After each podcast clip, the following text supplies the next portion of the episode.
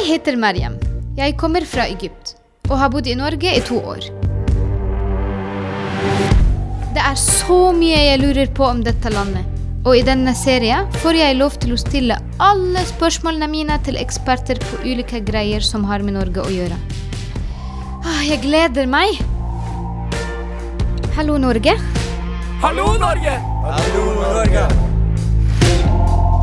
Hallo, Norge!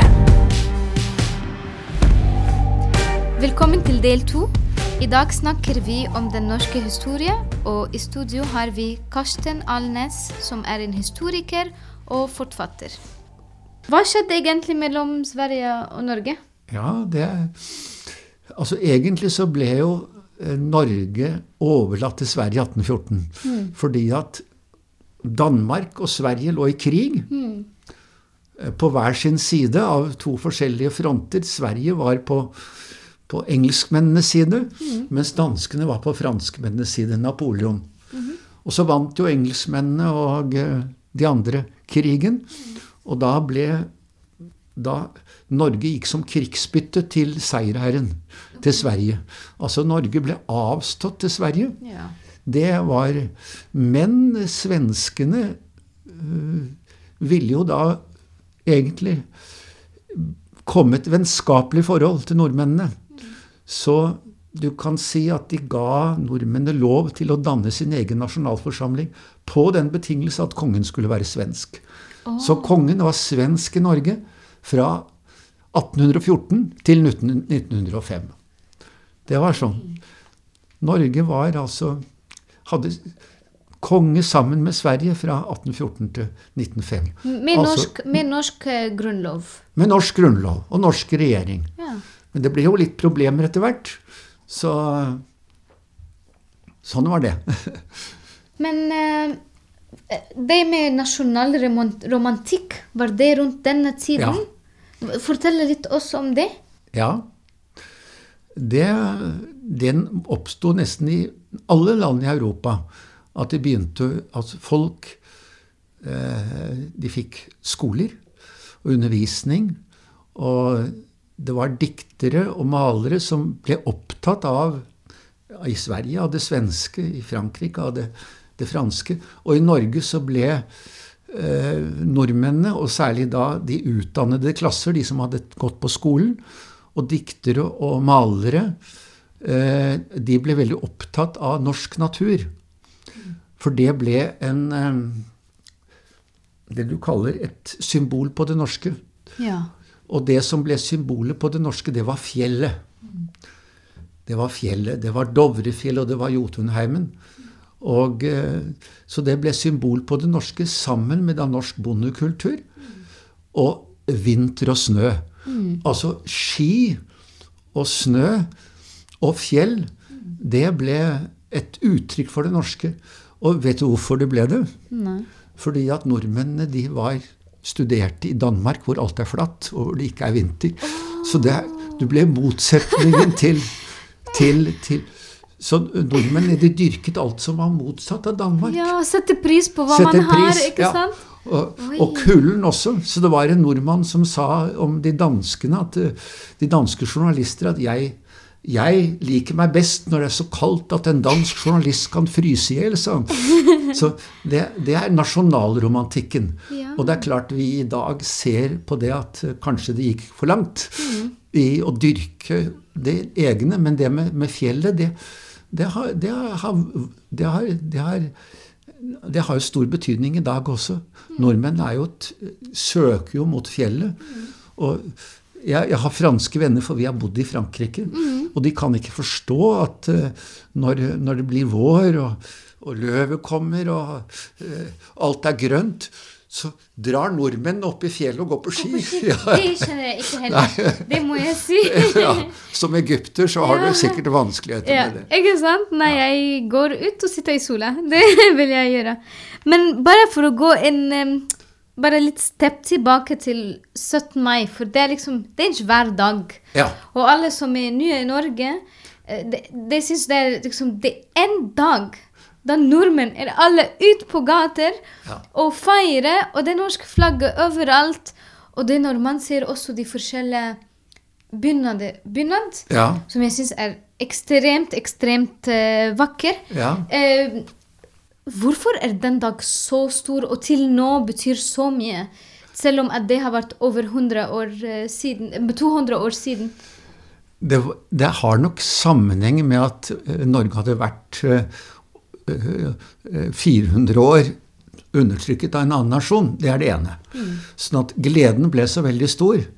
Men en annen ting jeg tror er veldig viktig, det er at nordmennene var veldig, veldig heldige, for de fikk en grunnlov som var veldig liberal. Altså det var veldig frihetssterk, den norske grunnloven. Og den kommer ikke fra nordmennene. Eh, Den er faktisk lånt fra Frankrike, og kanskje særlig fra Spania. Men det som, det som var tilfellet, det var at Norge beholdt sin liberale grunnlov. Sånn at nordmennene var heldige, sånn at de forsvarte den grunnloven hele tiden. Mot den svenske kongen og mot ja, nordmenn. Folk i Europa likte ikke den grunnloven, Nei. for den var liksom litt sånn radikal. Jeg tror det har litt grann med det å gjøre. Ja. Så de dyrket frem en kjærlighet etter hvert. Ja. Jeg tror det. ja, det skjønner jeg. Frihet er fint. Ja.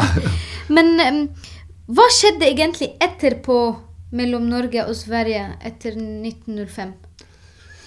Det, det skjedde en, en forbrødring, vil jeg si. Det, altså, det ble en, et større vennskap mellom både Danmark og Norge og Sverige etter 1905. Det ble et skandinavisk brorskap som vokste langsomt frem. Og en av årsakene til det var, tror jeg, at det var kongefamiliene var i slekt med hverandre. Og at eh, man fremelsket en sånn skandinavisk ånd. Og eh, den tror jeg fortsatt å det er veldig mye negativt du kan si om norsk historisk utvikling, og det har sikkert du merket og mange andre merket. Men det, det ble en skandinavisk ånd og et skandinavisk ideal. Og det som var fint for Norge, var at Norge kunne være et foregangsland når det gjaldt stemmerett, når det gjaldt synet på kvinner, når det gjaldt eh, rettsvesen og mange sånne ting. Som det var lettere å gjennomføre her, fordi at Norge slapp en ting som var veldig viktig for utviklingen. Norge slapp å ha en adel. Ja. Norge avskaffet adelen allerede i 1821, og det tror jeg hadde veldig mye å si. Altså Da var det ikke lov å være greve eller baron eller ha spesielle rettigheter lenger. Privilegiene ble avskaffet i 1814. Alt du lurer på om Norge, finner du her. Dette er Hallo Norge. Men er det sant at eh, kvinner i Norge, eller det var den første land som eh, kvinner fikk rett til å stemme? Ja, delvis. Jeg tror det aller første landet var faktisk Finland. Men eh, det Norge var det første landet hvor kvinnene fikk stemmerett ved lokalvalg. Og så kom det andre etterpå. Jo, det var nok det, et av de aller første landene. Fantastisk. Ja. Vel, bra jobba. Bra jobba, ja. Eh, et spørsmål. Hvor var, var Oslo hovedstad hele den uh, tid? Kristiania først, ja. ja. Altså, i, i, i, i, i gammel tid så var jo Bergen den viktigste byen. Og største byen og hovedstaden. Men etter 1814 så var Kristiania ble hovedstad. Selv om det ikke var den største byen, så ble det hovedstad fordi at den lå så sentralt til i Europa. Og Hvorfor het det Kristiania? fordi at det var Kristian, en dansk konge, som flyttet byen fra der den lå i gamlebyen, inn under Ekeberg, og til eh, der hvor eh, Akershus er nå. Og da kalte han den for Kristiania istedenfor Oslo. Men Oslo er det gamle navnet. Og hva betyr det? Ja, si det. Lo betyr antagelig en slette. Og så er eh, lo Dette lom og lo og eh, Men eh, Ikke han lo og nei, le. Ikke, nei, Nei. nei. det betyr egentlig en, en grønn slette. Og så er os. Det, det er, noen sier det er sletta under åsen. Og noen andre har andre forklaringer. Men eh, Men det, er den, eh, den, den gamle navnet var Oslo. det er gamle navnet, ja.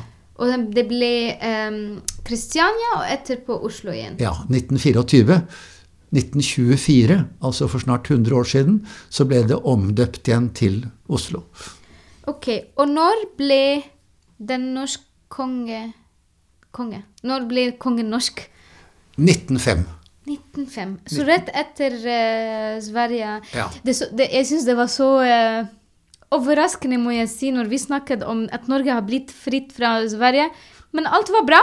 Det var ikke noe, ikke noe hard feelings mellom eh, Sverige og Norge. De bare ble Nei. enda mer venner. Det holdt på å bli krig i 1905, men det ble ikke krig, og det ble veldig fort forbrødring, eller forsøstring, kan jeg nesten si, mellom nordmenn og svensker. Det var litt grann hard, hard feelings, som dere sier i Egypt, på rett etter 18, 1905, men det varte ikke lenge. Nei. Svenskene ville ikke delta i Holmenkollrennet et par år, men Nei. så ble det slutt. Nei. Det, det er morsomt, for uh, man skulle si at det, Man ser det iblant når det er OL. Det er veldig mye competition ikke sant, Ja. mellom Norge. Men det er greit hvis Sverige vinner, ikke sant? Vi er alle venner til slutt. Uh, jeg syns det er veldig fint. Ehm, litt uh, fram i tiden eh, Kan du fortelle om Norge og verdenskrigene? Hva gjorde Norge i uh, verden, første verdenskrig? Hadde Norge en rolle? Og andre verdenskrig? Og fortelle oss litt om det. Det var en sterk utvikling av næringslivet, altså av industri, eh, i begynnelsen av 1900-tallet. Og Norge fikk en ganske stor og etter hvert moderne skipsflåte med dampskip og motorskip. Og de skapte en, en industri, en stor skipsverftindustri og jernindustri. Og eh, kjemisk industri med, med kunstgjødsel, mm. altså, som ble fremstilt av luften og sendt til hele Europa. Så det var en sterk vekst. Eh, Men da verdenskrigen brøt ut i 1914, så forsøkte nordmennene og svenskene og danskene, og alle tre greide å være nøytrale. Og det var, skal vi si, to ting som skjedde i Norge under krigen, og det var at Norge var veldig avhengig av å sende ting ut og eksportere og selge. Fisk og tømmer og nå kunstgjødsel og ja, faktisk også tøyer, tekstiler, sko, store skofabrikker, Ja. såpe. Og det ble jo slutt under krigen fordi at eh, landet ble delvis isolert. Og tyske ubåter gikk utenfor kysten og torpederte. Sånn at det var en 3000-4000 norske sjøfolk som gikk ned. Og landet ble utarmet under første verdenskrig. Men det greide seg gjennom krigen. Ble ikke med. Men etter eh, krigen så ble det en stor krisetid, som i hele Europa, og stor arbeidsløshet. Når det nærmet seg en ny krig, så forsøkte nordmennene å være nøytrale igjen. Men som alle vet, så ble Norge okkupert den 9. april. Eh, I hvert fall etter to måneders krig. Og var okkupert under hele krigen. Av, Av tyskerne, tyskerne, ja. Og eh, det som det, da skjedde, det var jo som, som alle vet, at det ble en motstandskamp. Og, Men det ble mm, ikke lett. Og i dag så, så diskuterer jo nordmennene eh, jødenes skjebne under eh, verdenskrig. fordi det er jo et faktum at nesten halvparten av de norske jødene ble, ble sendt til, til Auschwitz eller til konsentrasjonsleir og utryddet. Så, så vi, har, eh, vi har krigen hengende med oss. Og det er klart det at eh, du kan eh, si at uh, pga. veldig mye så ble, så, så ble nordmennene litt isolert og litt opptatt av seg selv. og det var en del holdninger i, i landet som vi ikke er så veldig stolte over, som også utviklet seg i den tiden. Men jeg mener at eh, moderniseringen og, alt har skapt andre forhold etter hvert. Og at det er av det gode. Den internasjonaliseringen som skjedde i Norge, det har vært av det gode, etter min mening som historiker også. Alt du lurer på om Norge, dette er Hallo Norge. Eh, det er også, du du eh, snakket om noen ting som jeg har lyst til å vite mer om. Og Ja. det er Vi har sett i det siste har det vært mange eh, forskjellige filmer om Norge, og spesielt den motstand i Norge mot tysker, Ja, med eh, Heter det Tungt vann? ja Tungt vann ja, og Max Og Max Manus. Manus. Ja. Og ikke så lenge siden var det en, eh, en Norge mistet en person som var en, eh, en sterk eh, mot, En del av den motstand. Ja. Og en, en hero, ikke sant? Ja. Kan du fortelle litt oss om, eh, om han og andre? Det kan jeg gjerne gjøre, fordi at uh, det er jo en, en, en bevegelse som, som vi kaller Hjemmefronten eller Milorg, som eh, gikk under jorden under krigen. Eller rettere sagt, de, de arbeidet i det skjulte mot tyskerne. Og eh, det var særlig siden du snakker om Rønneberg fra Ålesund, så var det en gruppering, da, en gruppe, som ville fortsatt, fortsette kampen mot tyskerne utenfor Norges grenser. Og mange av dem reiste til Sverige. Og like mange rømte i små fiskebåter og ja, privatbåter over havet til England. Og særlig til øyene da, utenfor England, Skottland og Shetland. Og de dannet en ganske sterk motstandsbevegelse som da eh, landsatte kommandotropper på norsk jord. Og eh, eh, saboterte, sprengte tyske fabrikker i luften, eller, eller også gjorde angrep på tyske avdelinger. Og én gruppe som ble kalt for Linge, fordi at det var en skuespiller på Nationaltheatret som het Martin Linge. Og han ble kaptein for en, eh, en tropp, og han falt i krigen. Og etter det så ble hele kompaniet kalt for Linge. Og ikke regjeringen, men det hva skal vi si, etterretningsvesenet i Norge sammen med etterretningsvesenet i, i Storbritannia, de fant ut at eh, i Rjukan i Telemark så var det en fabrikk som produserte tungtvann. Og det var eh, livsfarlig hvis eh, tyskerne fikk eh, fortsette å eksperimentere og produsere tungtvann som kunne skape en atombombe. Og derfor så sendte de en tropp med denne Rønneberg som, som leder til Norge med ski. Slapp dem ned over Hardangervidda. De gikk på ski til Rjukan. De greide å sprenge fabrikken i luften, og de kom tilbake igjen. Det er den tungtvannsekspedisjonen som vi skryter av, som vi er veldig stolte av. Som kanskje ikke hadde så veldig stor betydning allikevel, men som moralsk sett Ja. jo da er blitt veldig sånn fremhevet i norsk okkupasjonshistorie, selvfølgelig. Ja, det, det er veldig imponerende. Ja. Det er veldig imponerende. Men kan du fortelle oss kort historie fra krigen til i dag? Det er liksom fast forward over 50 år. Det er Norge ble en del av um, Marshall-hjelpen. Altså en hjelp fra Amerika for å bygge opp næringslivet. Og um, Norge ble en del av den ekspansive, store utviklingen i Vest-Europa etter krigen, med velstandsutvikling, voksende industri. Eh, det som, eh, som da tyskerne kaller et, et, et eh, hva skal vi si, næringsunder, Wirtschaftswunder. Og eh, eh, engelskmennene og, og, og, og tyskerne har også navn på disse 20 lykkelige årene. Og Norge ble en del av det. Så etter å ha hatt stor knapphet i, rett etter krigen, hvor man måtte, måtte spare på alt, så ble det en velstandsutvikling i 50- og 60-årene. Og i motsetning til mye av det som skjedde i Europa Etter 1970 så kom det jo en vending i Europa med trange tider. Den vendingen, den hva skal vi si, resessen som vi kaller tilbake, skjedde ikke i Euro Norge fordi at oljen kom i 68-70. Så du kan nesten si at vi har hatt en gjennomgående velstandsutvikling i Norge fra 1945 og til i dag. Og så har vi hatt veldig stabile politiske forhold.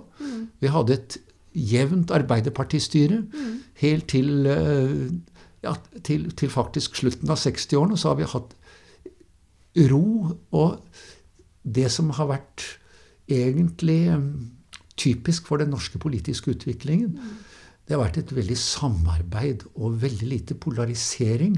Hvilke, veldig lite sterke motsetninger. En rolig utvikling i forhold til veldig mange andre land i Europa. Det kan jeg veldig kort si. Det, det, det, det lover masse uh, når vi går gjennom historien av Norge. Det var, det var ikke Norge i det hele tatt i, begynnelsen. Det var is, og plutselig er det jordbruk. Det gikk veldig dårlig med den svartedauden, så mange døde. Ja. Og folk måtte, de måtte migrere til å finne en bedre liv et annet eh, sted. Så de kom tilbake og bygde opp for å være den Norge som vi lever i nå. Så det nor Nordmenn har også gått gjennom eh, mye, så de må huske det. Ikke sant? At det var ikke alltid så enkelt. Nei da. Ikke sant? Uh, Karsten, tusen, tusen takk. Uh, det har vært en, bare en glede og helt fantastisk å ha deg her. Så kunnskapsrik og fantastisk. Det er en forferdelig stor glede for meg å møte deg fra Egypt. En annen generasjon, og så strålende. Tusen takk, Miriam. Tusen takk. Hallo, Norge! Hallo, Norge! Hallo, Norge!